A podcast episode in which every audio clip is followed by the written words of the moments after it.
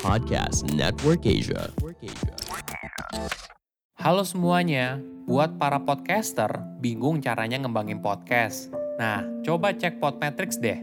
Jadi, Podmetrics adalah platform yang bisa membantu kamu mulai dari ngeliat performa podcast kamu, nentuin berapa harga red cardnya, hingga monetisasi konten dengan merek yang cocok. Bukan cuma itu, Podmetrics juga bisa membantu kamu untuk mendapatkan inspirasi dalam buat iklan dari contoh yang sudah ada. Yang paling terbaru, Podmetrics juga punya fitur Pod Earnings dengan berbagai metode pembayaran. Jadi, memudahkan banget untuk mendapatkan penghasilan dari Podmetrics. Tunggu apa lagi? Yuk daftar Podmetrics, masukkan kode referralnya melalui link yang ada di deskripsi ya.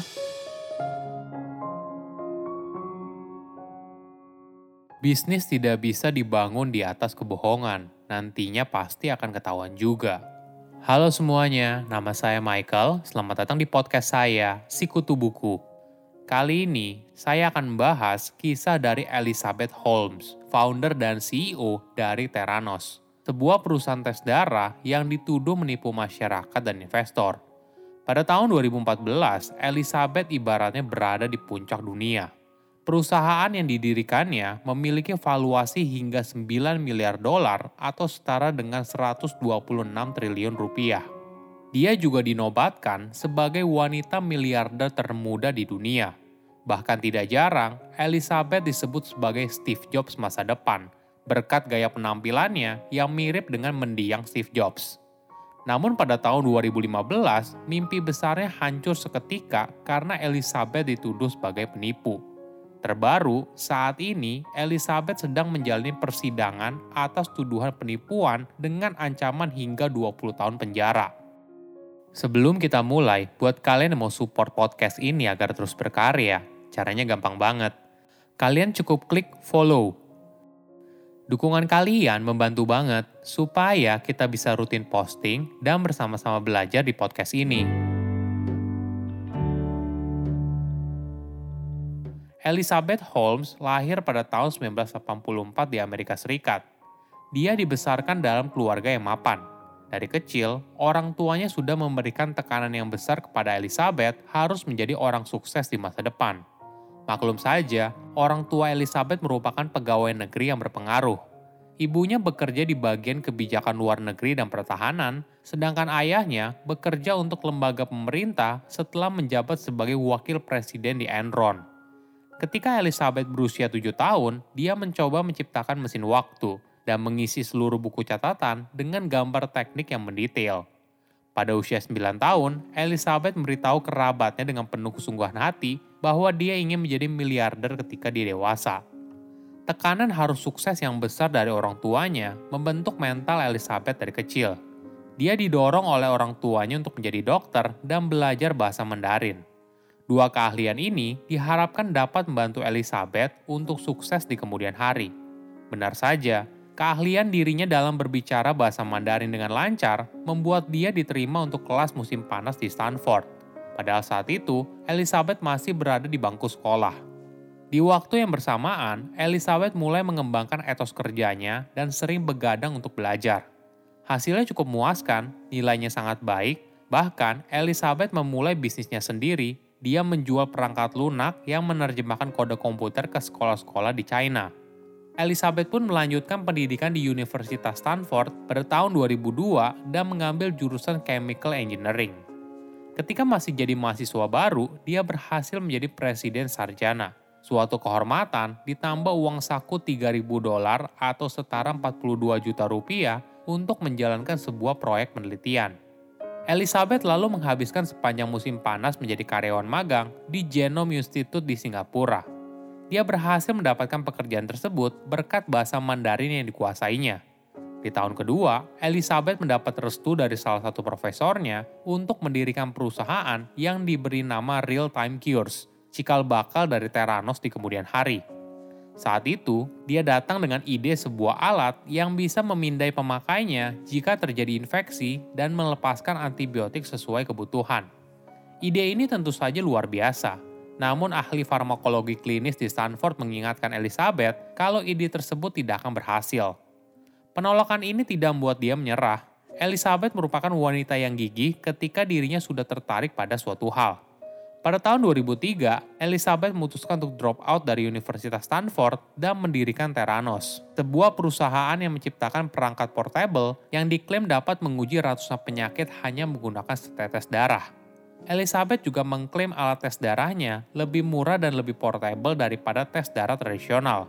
Anehnya lagi, sebelum mesin yang diciptakan oleh Theranos bernama Edison dijual untuk umum, Elizabeth berani membuat klaim yang tidak terbukti kalau mesin tersebut mampu mendeteksi penyakit mematikan sedari awal. Walaupun begitu, dia berhasil meyakinkan banyak investor besar. Berbagai nama besar bersedia pasang badan dan memberikan dana untuk pengembangan perusahaan, mulai dari mantan sekretaris kabinet Amerika Serikat hingga pendiri dari perusahaan teknologi Oracle. Pembawaannya yang menarik membuat para investor rela menyerahkan uang yang besar tanpa melihat laporan keuangan perusahaan yang sudah diaudit.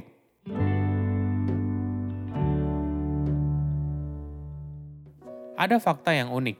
Elizabeth merupakan penggemar berat dari Steve Jobs.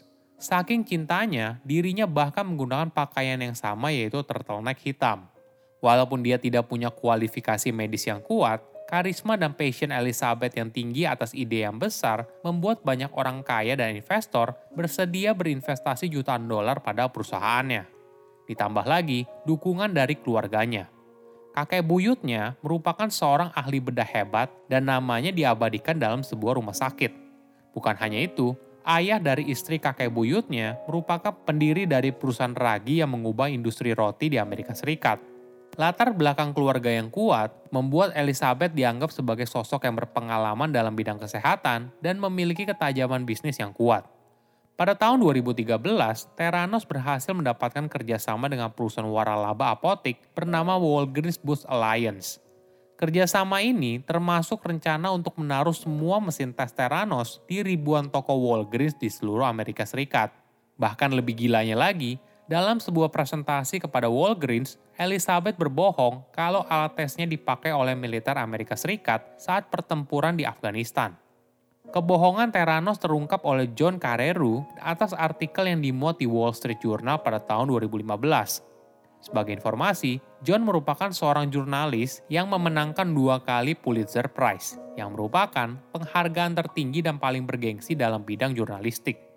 Terlepas dari intimidasi dan ancaman tindakan hukum, mantan karyawan Theranos mulai berbagi pengalaman mereka tentang perusahaan, teknologi, dan praktik bisnisnya. Mereka mengungkapkan kebohongan yang dilakukan Theranos kepada para investor, teknologi yang berulang kali gagal, dan hasil tes salah yang dikirim kepada pasien. Pada awalnya, Elizabeth dengan keras menyangkal klaim yang dibuat terhadap dirinya dan perusahaan. Theranos bahkan mengancam akan menuntut John yang dianggap sebagai musuh perusahaan. Meskipun demikian, pada tahun 2018, Elizabeth mengundurkan diri sebagai CEO dan didakwa melakukan penipuan karena diduga menyesatkan investor dan dengan sengaja membuat klaim palsu tentang teknologi pengujian darahnya. Tiga bulan kemudian, Theranos secara resmi ditutup setelah penyelidikan oleh FBI. Tidak berhenti sampai di situ, pada tahun 2021, Elizabeth terancam hukuman penjara hingga 20 tahun apabila terbukti bersalah.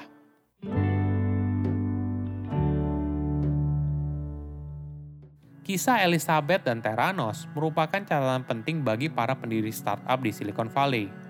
Inovator yang punya mimpi untuk mengubah dunia harus berbicara kepada investor dengan jujur tentang teknologi yang mereka miliki dan potensinya di kemudian hari. Hal ini disebabkan banyak pendiri startup punya moto fake it till you make it. Namun perlu dipahami, prinsip fake it till you make it awalnya berasal dari filosofi berpikir positif kamu dapat melakukan sesuatu hanya dengan yakin pada dirimu sendiri kalau kamu bisa. Dengan konsentrasi penuh, kamu akhirnya bisa mencapai apa yang kamu inginkan. Perlu digarisbawahi, prinsip fake it till you make it ibaratnya tentang menipu diri sendiri, bukan menipu orang lain. Yang terjadi di kasus Theranos adalah Elizabeth menipu investor, konsumen, dan masyarakat atas teknologi di bidang kesehatan yang berbahaya usia muda kaya raya memang jadi impian hampir semua anak muda. Namun, mimpi tersebut tidak boleh dibangun di atas kebohongan. Saya undur diri, jangan lupa follow podcast Sikutu Buku. Bye-bye. Pandangan dan opini yang disampaikan oleh kreator podcast, host, dan tamu tidak mencerminkan kebijakan resmi dan bagian dari podcast Network Asia. Setiap konten yang disampaikan mereka di dalam podcast adalah opini mereka sendiri dan tidak bermaksud untuk merugikan agama, grup etnik, perkumpulan, organisasi, perusahaan, perorangan, atau siapa pun dan apa pun.